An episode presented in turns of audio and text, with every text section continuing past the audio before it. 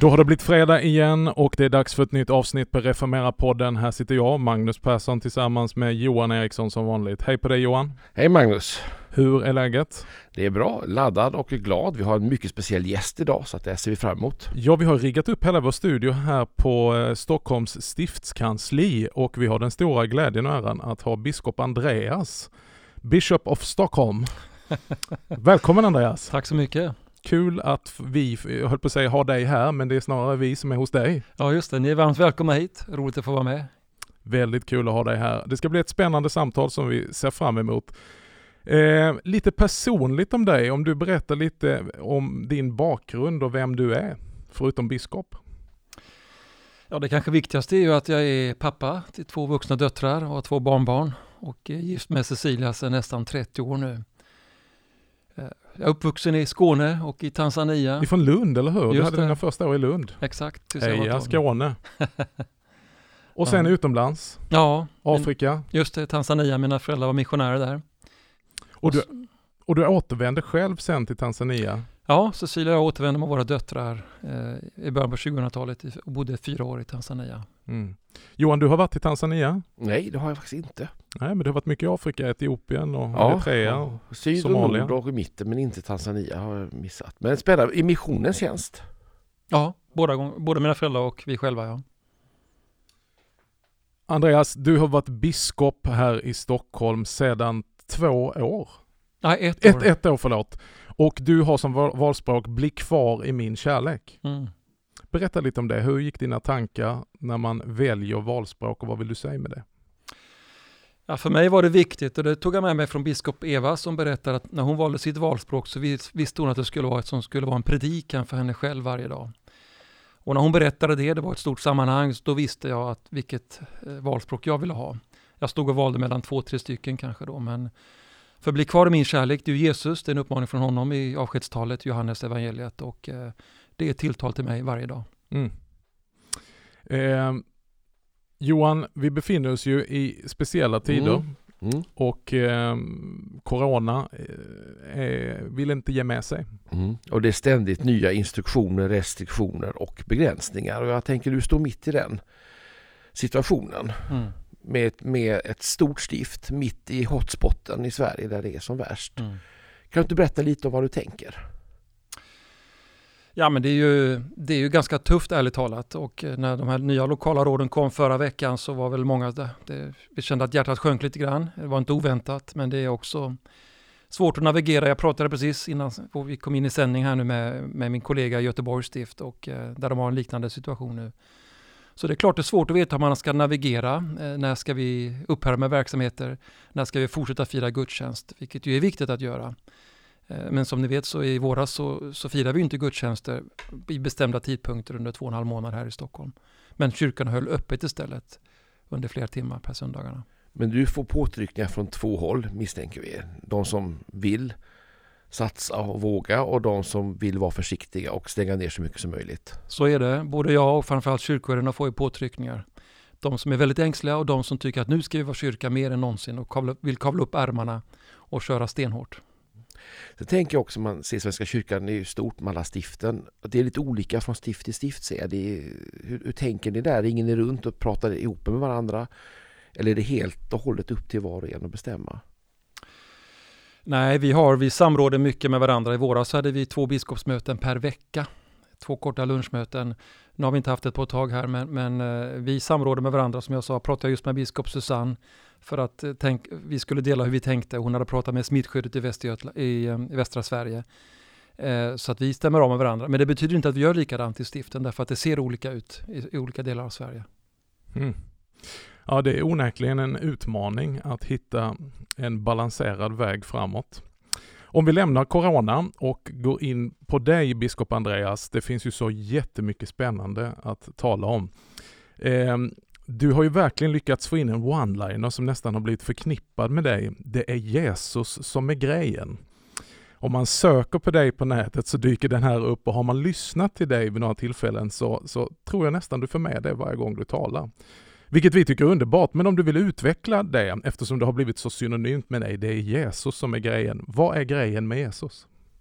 Ja, men det var ju roligt för det första att höra att, att det kanske har börjat förknippas då för att det, det är viktigt. Det är en av mina one-liners som jag gärna återkommer till både i skrift och tal. Nej, men för mig är ju Jesus, det är liksom framsidan på Gud om man säger. I, I, Kristus får vi en blick rakt in i Guds väsen och kärna som är kärlek. Måttlös kärlek för varje människa men också för hela skapelsen. Så att eh, är det någonting vi behöver berätta i ord och handling idag, liksom i alla tider, men vi behöver återupptäcka det tycker jag i Sverige på ett särskilt sätt och i Svenska kyrkan, så är det att bottna i detta, att det är Jesus som är grejen. Det är därför kyrkan finns, det är det som är vårt uppdrag. Det var otroligt vacker bild, framsidan på Gud. Fint. Ja, ja. Eh, men vad är det unika med Jesus? Ja, men det, det, är ju just det att, att det är både Gud och människa och att han, han berättar för oss i ord och handling vem Gud är och mm. vad Gud vill med oss och vår värld. Det kan ju tyckas som en, som en konstig fråga, men, men, men kan kyrkan glömma bort Kristus? Det hoppas jag inte, men, men jag tror nog att vi i, i, under perioder i Svenska kyrkan i alla fall, har, i någon slags vilja att möta människor, kanske har tänkt att vi ska tona ner det kristna, eller tonar ner Kristus, och hellre talar om Gud än om Jesus Kristus. Eh, och det tror jag är fel väg att gå. Och min egen forskning visar på att en öppenhet för andra människor, en, en öppen folkkyrka går hand i hand med att vara tydligt Kristus-centrerade. Du, du nämnde här din egen forskning. Vi kommer inte komma in på den alldeles strax, men jag skulle först vilja eh, ta upp eh, som en koppling till detta en videosnutt direkt efter din biskopsvigning eh, med de här klassiska frågorna, hur känns det och så vidare. eh, så, så säger du att som biskop vill jag finnas till för församlingarna. Det är där det händer. Det som ska hända i kyrkan händer där, i den så, så att säga lokala församlingen. Mm. Utveckla dina tankar om detta, för att ibland så känns det ju som att Svenska kyrkan snarare är på väg mot någon sorts centralisering. Mm. Men du lyfter här upp den lokala församlingssituationen. Mm. Nej, men precis. Det händer i församlingar en annan one-liner som jag återkommer till ofta. Och, eh, det är ju så att det som kyrkordningen beskriver som syftet med Svenska kyrkan, det är fyra saker. Att människor ska komma till tro på Kristus och leva i tro. Att kristna gemenskaper ska skapas och fördjupas. Att Guds rike ska utbredas och skapelsen återupprättas. Och de där första två, de sker framförallt i den lokala kyrkans eh, sammanhang så att säga. Inte på stiftskanslier som här, eller på nationella kontor eller, eller fakulteter, utan det sker i de lokala kyrkorna. Och det är viktigt att poängtera det, och inte minst i en tid när vi lätt fokuserar på vår organisation i Svenska mm. kyrkan. Vad kan man göra, jag tänker du som biskop, men också liksom brett för att stödja jag tänker att ibland så har Svenska kyrkan i sin folkkyrkotanke nästan setts som en nådemedelsinstitution där man utför vissa tjänster. Det är väldigt mycket de anställda som producerar och, och vem som helst får komma. Men om vi tjuvtittar lite och tjuvbörjar på din, på din avhandling så ser vi hur du trycker väldigt mycket på den församlingsgemenskapen, att det är i gemenskapen som det sker. Mm. En, en verklig och existerande församlingsgemenskap. Vad kan vi göra för att stötta det? Ja, dels tror jag vi behöver prata om församlingsgemenskapen som något viktigt och, och värdefullt, inte ta den för given som svensk kyrkoteologi har gjort, eller eklesiologi under hela 1900-talet. Man har tagit för given att det finns en gemenskap, men man har inte skrivit om den teologiskt eller, eller beaktat den så att säga. Um, Sen tror jag det här talet om att Svenska kyrkan är de anställda kyrka är lite grann överdrivet. Jag tycker jag ser det i min egen forskning att tittar man noga på marken i lokala kyrkor så vet man och lever man fram att det är människorna som samlas som är kyrkan, mm. inte bara de anställda. Mm. det här låter ju väldigt bra för en EFS-are så här ljuv musik vill jag påstå och, och ligger in. Men, men i praktiken som biskop, hur, hur mycket kan du i praktiken förverkliga det här och hur mycket är du beroende av att inspirera snarare än att förverkliga, om du förstår frågan? Ja, jag tror att jag förstår och det handlar ju nästan 100% om inspiration såklart. Eh, en biskop i Svenska kyrkan har ganska lite formell makt faktiskt om man tittar i kyrkordningen och rent i lagen om Svenska kyrkan. Men en, en, en biskop kan ju ha soft power som man säger på engelska. Alltså i kraft av förtroenden och relationer så kan man förhoppningsvis påverka eh, församlingarna att fokusera eller prioritera på olika sätt. Och det, det är min ambition. Mm. Hur känner du att responsen är så här långt i ditt eget stift? Jag känner mig varmt välkomnad av, av eh, mitt stift och sådär. Jag lägger kraft och tid på att lära känna våra drygt 50 kyrkoherdar som är för mig mina närmaste medarbetare. Eftersom det är de som lokalt bygger Guds rike. Och 50 kyrkor nämnde det, det är en ganska stor bredd tänker jag. I, i det stora och, och väldigt mångfacetterade Stockholm då. Mm. Ja tack och lov så är de inte likadana utan eh, kyrkan är ju mångfaldig och bred och ska vara det. Jag tycker det är viktigt att säga att mångfald och olikhet inte är ett bekymmer att hantera utan det är en, en rikedom att ösa ur som kyrka.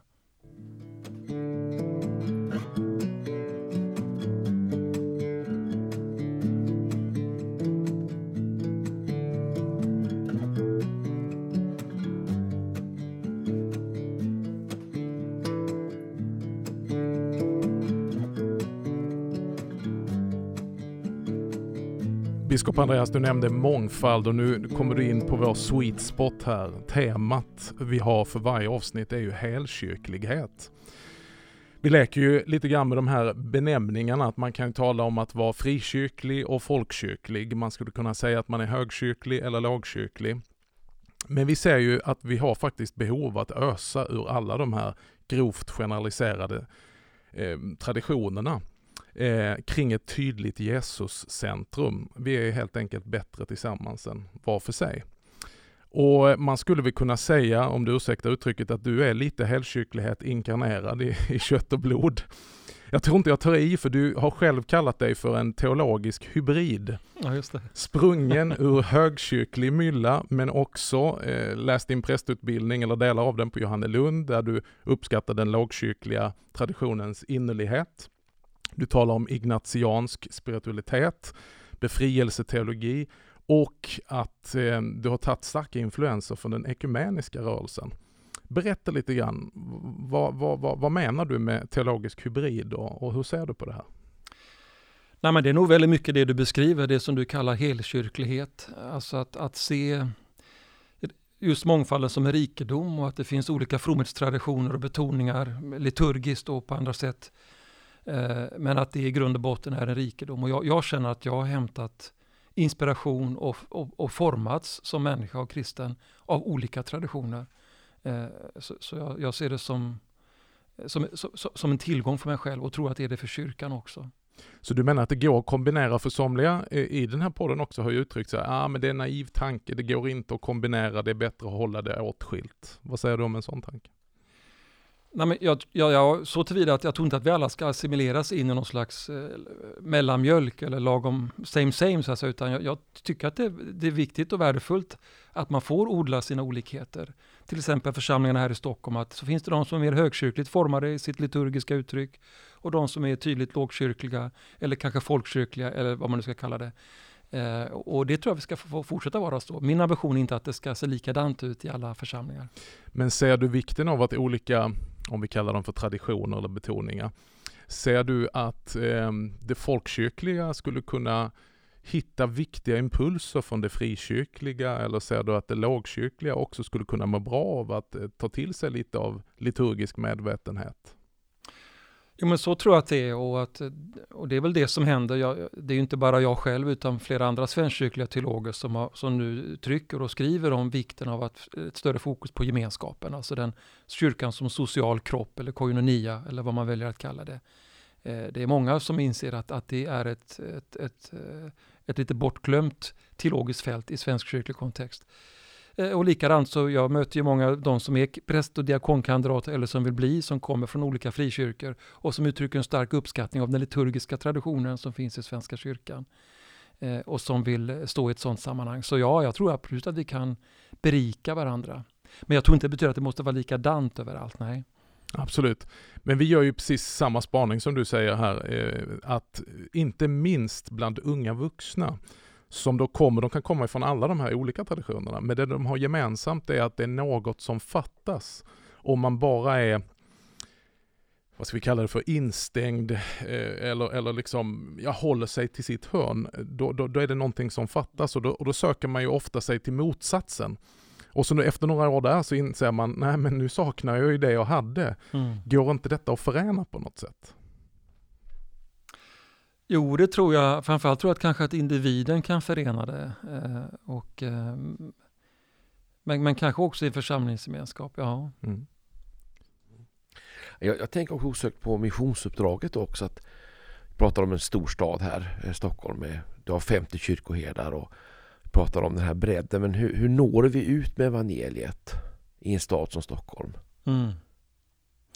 Ja, det är en jättestor fråga såklart, men eh, jag tror att vi gör det på en mångfald av sätt. Jag tror det är viktigt att ha Jesus i centrum. Eh, eh, han är en stötesten, står det i Bibeln också, men samtidigt är det han som är den stora magneten. Så att vi ska, det ska vi inte låta bli att, att tala om i ord och handling. Sen måste vi göra det på många olika språk, det tror jag.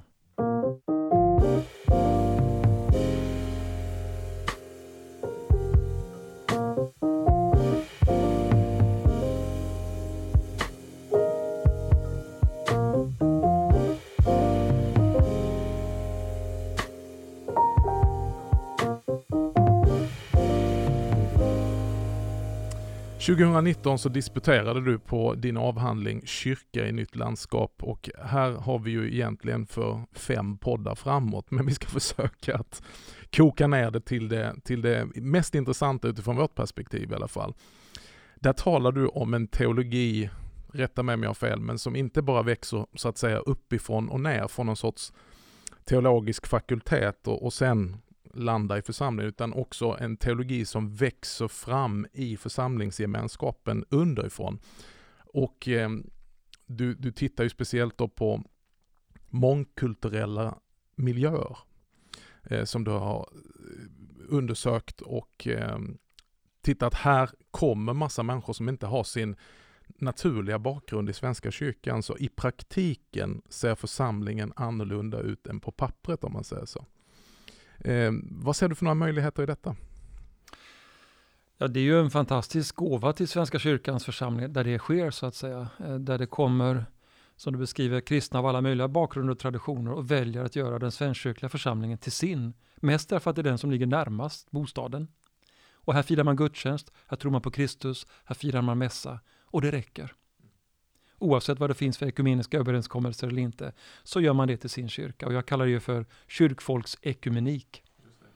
Alltså människor bryr sig inte om vad biskopar, sådana som jag och andra har kommit överens om, utan man väljer att vara församling och fira gudstjänst tillsammans. Du nämner också ett, ett, ett, eh, vad ska man kalla det för, ett, ett, ett stort skifte för Svenska kyrkan som Svenska kyrkan behöver börja förhålla sig till. Att från att ha varit den här typiska enhetskyrkan som, som står i en särställning så behöver vi nu orientera oss i ett nytt landskap där vi också behöver hitta samverkan och samarbete med olika traditioner. Hur ser du det framför dig? Samverka med olika traditioner? Ja. Eller? ja det är ju lite, i de här sortens församlingar som jag tittar på så är det ju framförallt det att människor väljer att göra Svenska kyrkan till sin. Eh, sen ser det lite olika ut hur, hur de ekumeniska samarbetena på orten ser ut. Eh, på en del håll så lever det i högsta grad, på en del håll inte så mycket. Utan ekumeniken lever mera, den har flyttat in i gemenskapen snarare än att eh, liksom pågå mellan olika kyrkliga grupper. Men du menar att, att det handlar om att i församlingssituationen ta vara på de olika, ska vi kalla det för spiritualiteter eller frumhetstraditioner som, som helt plötsligt finns i gudstjänsten? Ja, och det gör man ju i flera av de här sorternas församlingar, att man härbärgerar en, en, en olikhet av spiritualiteter genom att eh, ta in ikoner, sätta upp Maria-statyer eh, och tillgängliggöra kyrkorummet för att eh, härbärgera en, en mångfald av uttryck så att säga. Under och före och efter gudstjänsterna. Vad, finns det för någon, vad ser du för någonting positivt? Du har ju själv jobbat som präst i en sån här miljö och sen har du gjort din doktorsavhandling på det här och det är ju helt tydligt att du brinner för det här och ser detta som en tillgång. Men vilken tillgång är det? I mångfald, du menar i mångfalden specifikt? Ja, eller? precis.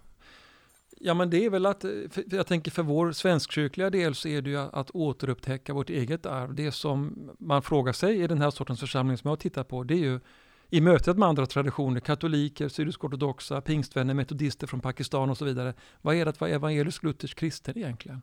Här har ju alla varit lutheraner, så det har varit helt... Ingen vet egentligen vad det är att vara lutheran. Eller man har ganska vaga uppfattningar om det. Det man tycker är bra, det är typiskt lutherskt. Det är spännande för, för när du, man då möts traditionerna så tänker jag att då kan man behålla en evangelisk-luthersk kärna i det här mötet. Och samtidigt berika varandra i utbytet av traditioner och gudstjänstfirande. Om jag förstår rätt. Mm. Ja. För det kommer två följdfrågor för mig ganska akut. Jag tänker att det sker en viss frontförkortning ute i förorterna från Svenska kyrkans sida. Där man lägger ner och säljer kyrkor till viss del och det är tråkigt. Men jag tänker också möjligheten för oss som EFS som då har haft samarbetskyrkor historiskt sett och har flera samverkanskyrkor idag att kanske också intensifiera samarbetet med, med Svenska kyrkan mm. på valda platser. Mm. Ja, det skulle jag gärna välkomna och det är tråkigt i, i, i vårt stift Stockholm så har ju både Sätra till exempel och Ängkyrkan försvunnit som samarbetskyrkor här. Ängkyrkan ganska nyligen där jag själv var medlem förut. Jag var ju samarbetskyrkopräst där på 90-talet. Eh, så jag skulle gärna välkomna fler sorters samarbete som finns i Klara till exempel och, och, eh, och som fanns också i Skarpnäcks församling. Vad ser du för några fördelar med, med, med just samverkan ehm, och det här samarbetet? EFS är ju då en inomkyrklig väckelserörelse. Snart 170 år har vi varit inomkyrkliga, så det är inte direkt new kid on the block. Men, eh, och har liksom egentligen stångats för att vara kvar den folkväckelse vi såg på 1800-talet var ju egentligen det som blev vaggan för många av våra frikyrkor. Mycket av det som finns i frikyrkorna är ju fortfarande härbärgerat inom EFS och som en tillgång för Svenska kyrkan. Det finns ju både utmaningar och möjligheter med det. Om du, om du talar lite om det, vad, vad finns det för några utmaningar och möjligheter med att faktiskt ha en egen, att Svenska kyrkan har en egen inomkyrklig missions och väckelserörelse? Ja, det är ju i grund och botten en jättestor tillgång för Svenska kyrkan och det, det, det vet jag av egen erfarenhet. Eh, där jag har sett verkligen det bästa och vackraste från EFS i, i till exempel i Ängkyrkan i Tumba där jag jobbade under 6-7 år. Eh, jag tänker att eh, framåt, om jag tänker framåt, jag pratar mycket om kyrka i nytt landskap nu i tal och skrift och en utmaning för oss är att hitta nya sätt att vara kyrka. Apropå din fråga tidigare hur vi ska nå ut med evangeliet så tänker jag att vi måste göra det på nya sätt. Och i Stockholm, nu har det mattats av lite grann, men det byggs ju nya områden i många av våra församlingar där församlingar står inför hur ska vi etablera Vara kyrka med en fysisk närvaro i Vegastaden till exempel, eller i Sundbyberg, eller det byggs jättemycket i Täby. Och där kan man tänka sig, för där har ju kanske EFS en annan rörlighet eh, och vana av att tänka nyplantering eller att etablera sig på lite okonventionella och andra sätt. Där skulle vara spännande till exempel att se och utforska former. Jag tror det är lättare där än att ha etablerade församlingsgemenskaper och tänka att, att där ska det bli nya sätt att vara kyrka.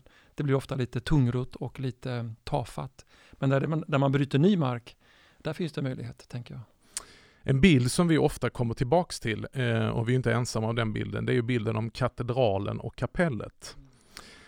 Det vi har att lära oss av den gamla kyrkan innan reformationen är, är, ju den stora katedralen där man också gav utrymme, förutom det centrala högaltaret, så fanns det ju sidoaltaren, sidokapell. Där olika fromhetstraditioner och riktningar kunde odlas med kyrkans goda minne. Som ett sidokapell under katedralens väldiga valv och att man var i katedralen som en del av katedralen. Eh, och där fanns en rörelse som berikade liksom alltihopa. Det som har skett i senare tider med start i reformationen och, och, och, som vi lever i en verklighet av nu, det är att kapellen har flyttat ut ur katedralen. Och nu talar jag inte om byggnader, men om vi tänker att Svenska kyrkan är ju eh, som en sorts katedral, finns överallt i hela vårt land. Eh, vad skulle vi kunna göra för att odla mer av kapellet som ett sidokapell i katedralen? Än att kapellet flyttar ut ur katedralen och liksom köper synt, hyr lokal och startar eget. Mm. Mm. Ja, det är en jättebra fråga. Jag tänker, det handlar väl mycket om en grundvärdering, att, att se mångfald. Och det, det, ligger inte så starkt i, det, i Svenska kyrkans DNA. Men jag tror att det håller på att förändras. Att se mångfald som något genuint viktigt och värdefullt för kyrkan. Att same same är inte det vi eftersträvar, utan olikhet. Så det, det handlar om en grundinställning, att, att det inte är hotfullt eller tecken på svaghet eller splittring, att det ser olika ut och att det finns många sidokapell som du säger. Vi har väl i viss del tränat oss på det i Svenska kyrkan genom att eh, skapa rum för olika spiritualiteter. Till exempel beskrivs ibland pilgrimsrörelsen som ett sidokapell. Eller den ignatianska spiritualiteten som har blivit väldigt viktig i Svenska kyrkan, inte minst i Stockholms stift.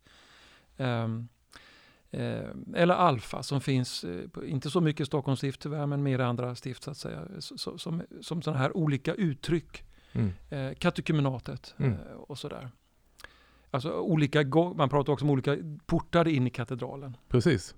Och då skulle man kunna, du, du sa same same, om man lägger till det här uttrycket man har same same but different. Finns mm. det utrymme för det? För att jag tycker ju också att det är väldigt viktigt att vi står på samma bekännelsesgrund. Att då, same same, men different, nya sätt att vara kyrka. Kan vi se en framtid om vi vågar vara lite visionära här nu då och, och liksom tala lite att Svenska kyrkan som finns, jag som är frikyrklig eh, från, i bakgrunden och inte minst har jobbat mycket med församlingsplantering ute i stadsdelar och förorter. Jag blev så otroligt avundsjuk på detta att var helst vi kom så fanns det redan en kyrka. Det var ju lite störande när man är där för att plantera en ny kyrka. Och så tänker vi, ja det här är ju egentligen meningslöst det här vi håller på med. Kyrkan har ju redan Guds, alltså jag brukar säga, vart helst min blick sig vänder, jag ser avtryck av Guds händer. Där står de här tornen och reser sig upp emot himlen som en påminnelse. Gud har redan varit här. Han är verksam här. Vad skulle vi kunna göra för att kanalisera mycket av den här pionjärkraft, bryta ny mark-initiativ, men att rymma det inom Svenska kyrkan? Där tänker vi som EFS att där vill vi finnas som en mm. resurs. Mm. Och det uppskattar jag verkligen. Jag har nog inget enkelt bra svar på det. Jag satt förra veckan och, och eh, med kollegor och planerar inför nästa års diakon och prästmöte som är om, om, precis ett år. Och där är nya sätt att vara kyrka ett av de spåren som vi spånar på så att säga. Just utifrån att vi, vi nu fokuserar mer på syftet i Svenska kyrkan. Vi har pratat väldigt mycket om den grundläggande uppgiften. Gudstjänst, undervisning, diakoni, mission. Och det är liksom tjatat i botten tycker jag. Och tycker att vi nu ska flytta fokus till att titta på nästa mening i kyrkordningen där syftet med alltihopa beskrivs. Och det är de här fyra som jag nämnde då. Där den första är att göra Kristus, att människor ska komma till tro på Kristus och leva i tro. Men då, då, för då får jag en dröm här, alltså jag, man får dela en, och det är att vi, vi ska få se en folkväckelse igen. Kanske under vår tid. Att det, det drömmen vi när att få se människor komma till Kristus i stora antal och se vårt, vårt samhälle förvandlat på samma sätt som på 1800-talet, att den vinden får svepa igen. Och vi ser ju det i sådana här tider när nöden på olika sätt drabbar vårt ändå välfärdsland så finns det någon form av grundmurat förtroende och en relation till Svenska kyrkan.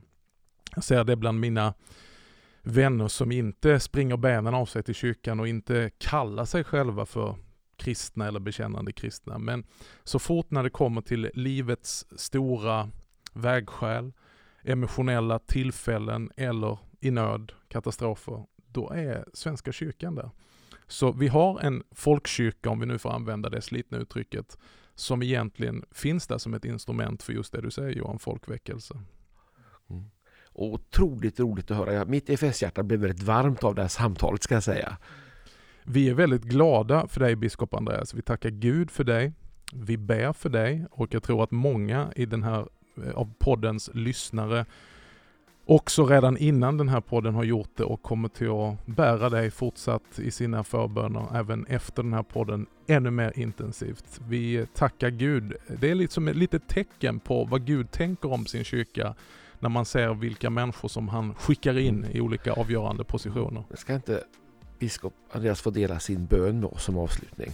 Vi vet ju att det finns en bön som, som du har, eh, som har följt dig eh, och som vi gärna skulle vilja att du eh, leder oss i här till avslutning. Tack för att du var med oss. Det gör jag gärna. Den här bönen ber jag varje dag när jag går till stiftskansliet.